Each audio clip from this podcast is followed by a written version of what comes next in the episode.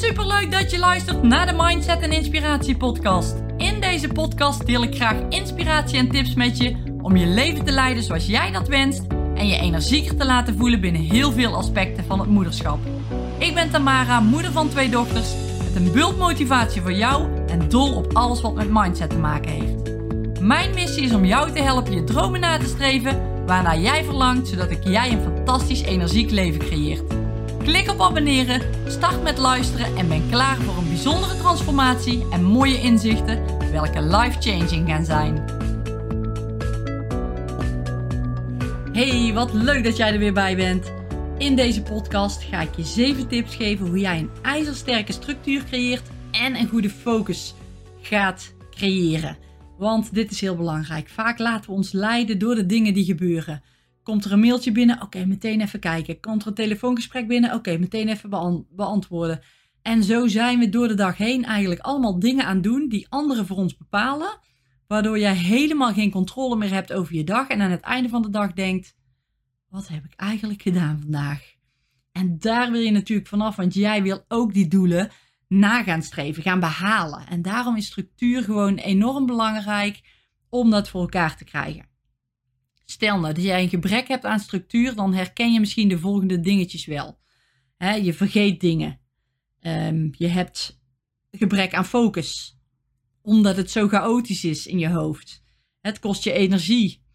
Je denkkracht gaat achteruit, want omdat je met zoveel dingen tegelijk bezig bent. En daardoor geeft het je misschien ook wel stress. En daardoor ben je minder productief, minder efficiënt, maar ook het is ook niet gezond voor je. Want als je stress hebt, ja, je kunt het zelf wel invullen. Dat is gewoon niet goed voor je lichaam en voor je geest. Dus eigenlijk is het heel belangrijk om die ijzersterke structuur te gaan creëren. Ik geef je zeven tips. En die tips zijn geen magic pills. Je weet ze waarschijnlijk al wel, maar het gaat erom dat jij het implementeert. Als jij je herkent in, oh ja, ik doe eigenlijk van alles wat er in me op de dag gebeurt en ik focus me niet goed, ik heb te weinig concentratie, ik heb te veel in mijn hoofd. Probeer dan eens die tips die ik je zo meteen ga geven, probeer die eens toe te gaan passen. Want vaak weten we het wel, maar het gaat erom of je het ook doet. En als je het doet, dan ga je het voor elkaar krijgen. Dus dat zou de eerste stap zijn. Probeer eens te doen wat ik je nu ga zeggen. En misschien werken sommige tips voor jou wel niet. Helemaal prima, maar ook daar kun je alleen maar achter komen door het daadwerkelijk te gaan proberen. Oké, mijn eerste tips hoe jij die ijzersterke structuur en focus gaat creëren is plan het plannen.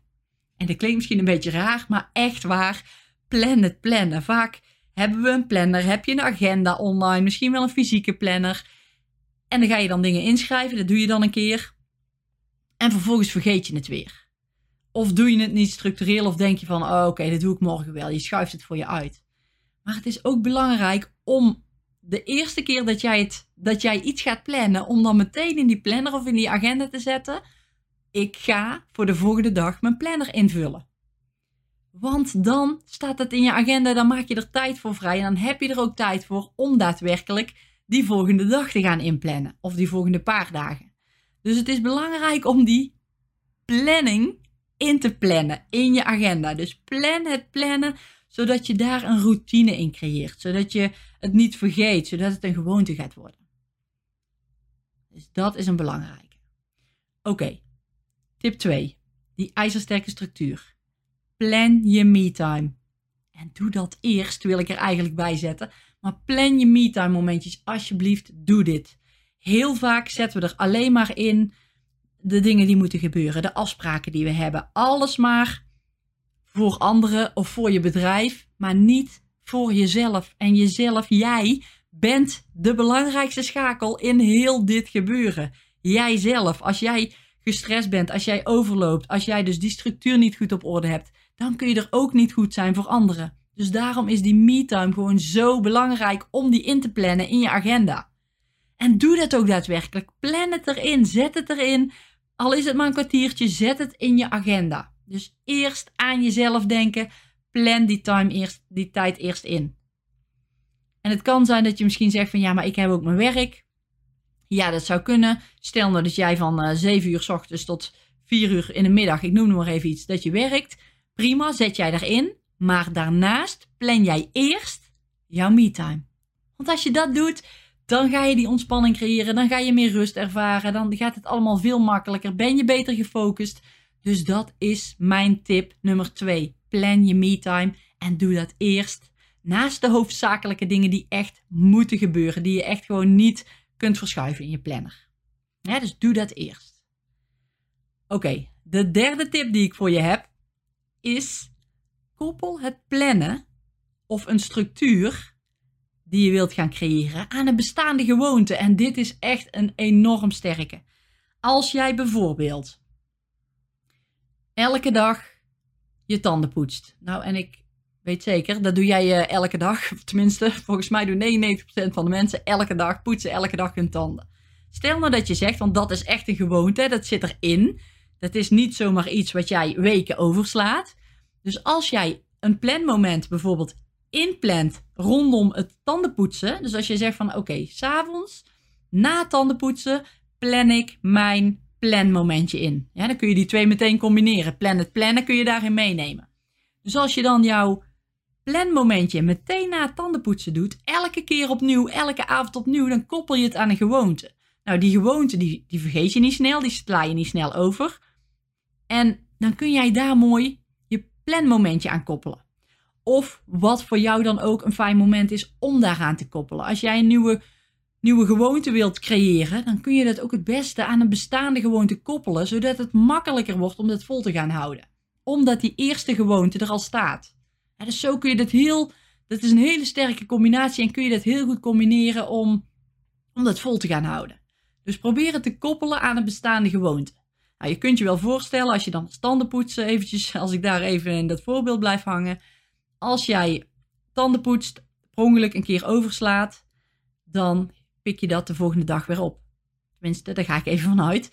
Hè? Maar dan zeg je niet van, oké, ja, ik ben het nou vergeten en ik doe het helemaal niet meer. Nee, dan pak je de volgende dag weer op. Dus je gaat door met het creëren van die consistentie. Je gaat door met het consistent tandenpoetsen. En dat is zo sterk om dat planmomentje bijvoorbeeld daaraan te koppelen.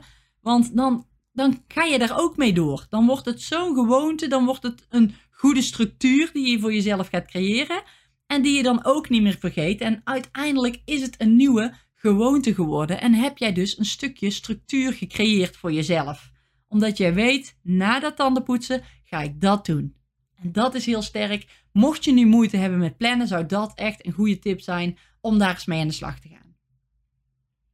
Oké, nummertje 4. Doe het op jouw manier. En ook dit.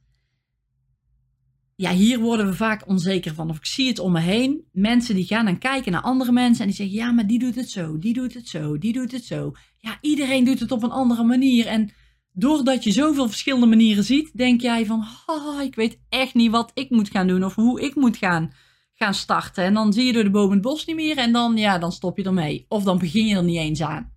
Dus doe het op jouw manier. Als je zegt van, oké, ik wil nu echt voor die structuur gaan, ga dan eens kijken wat bij jou past. Maar ga het wel doen. Ga het ervaren.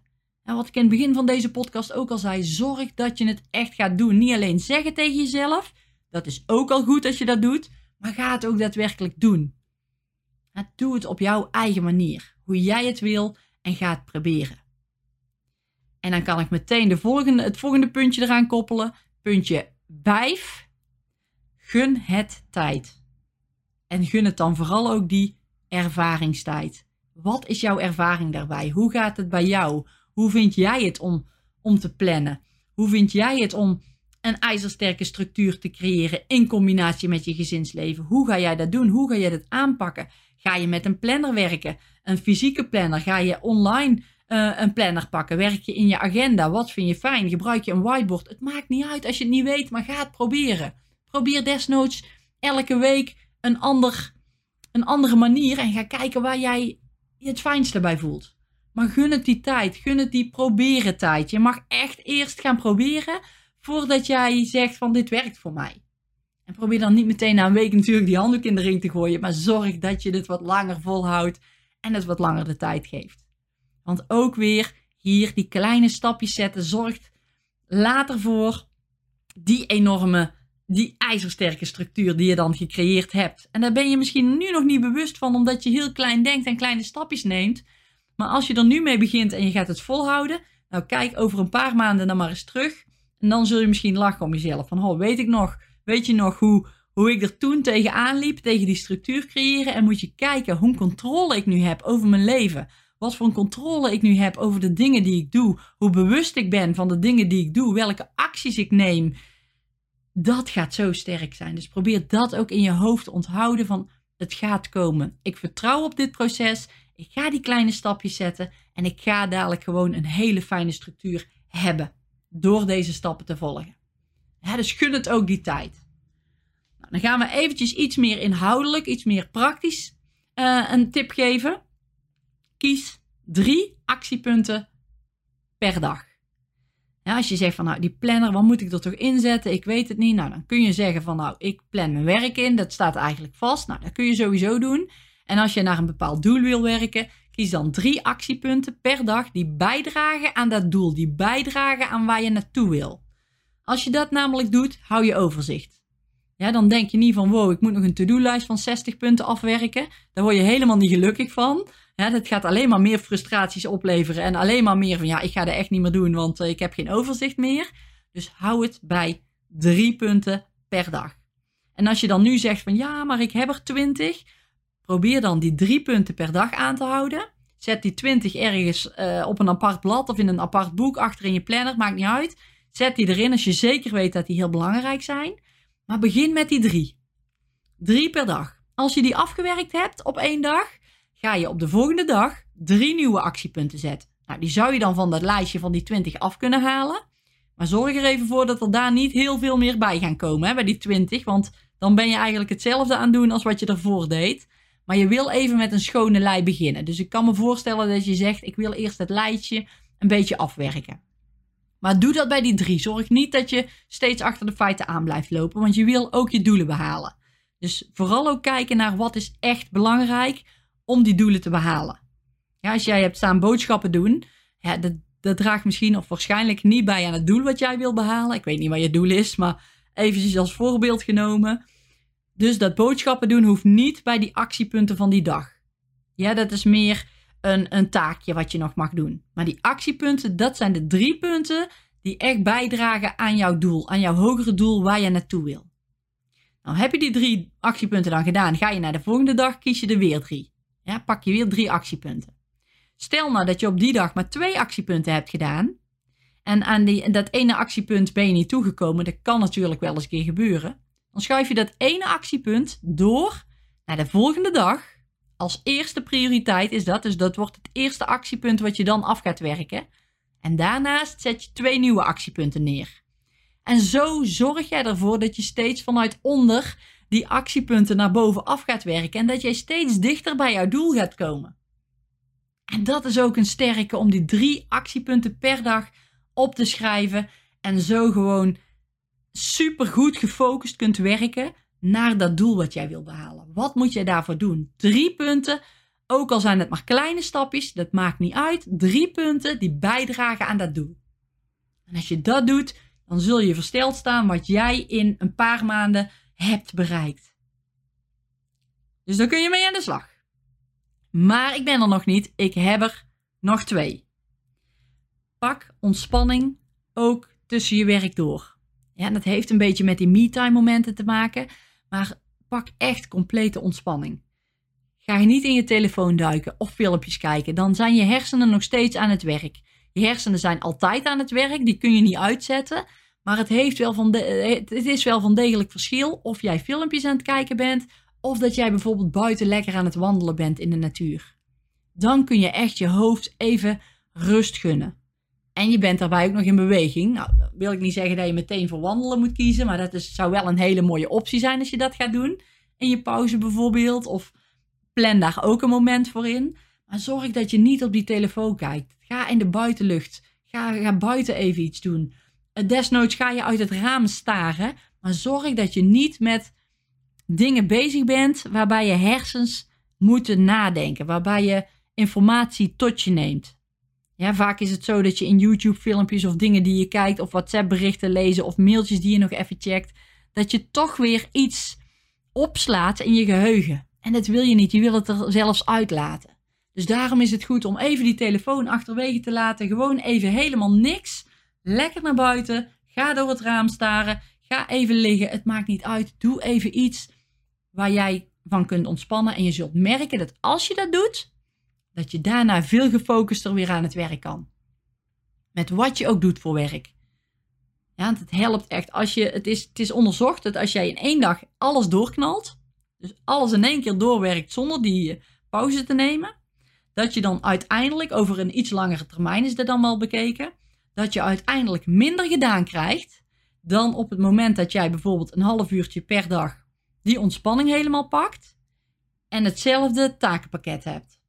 Dan ben jij na een verloop van tijd, ben jij eerder klaar dan als jij heel de dag doorwerkt. En dat zegt al genoeg, want die focus daarna is gewoon weer veel scherper.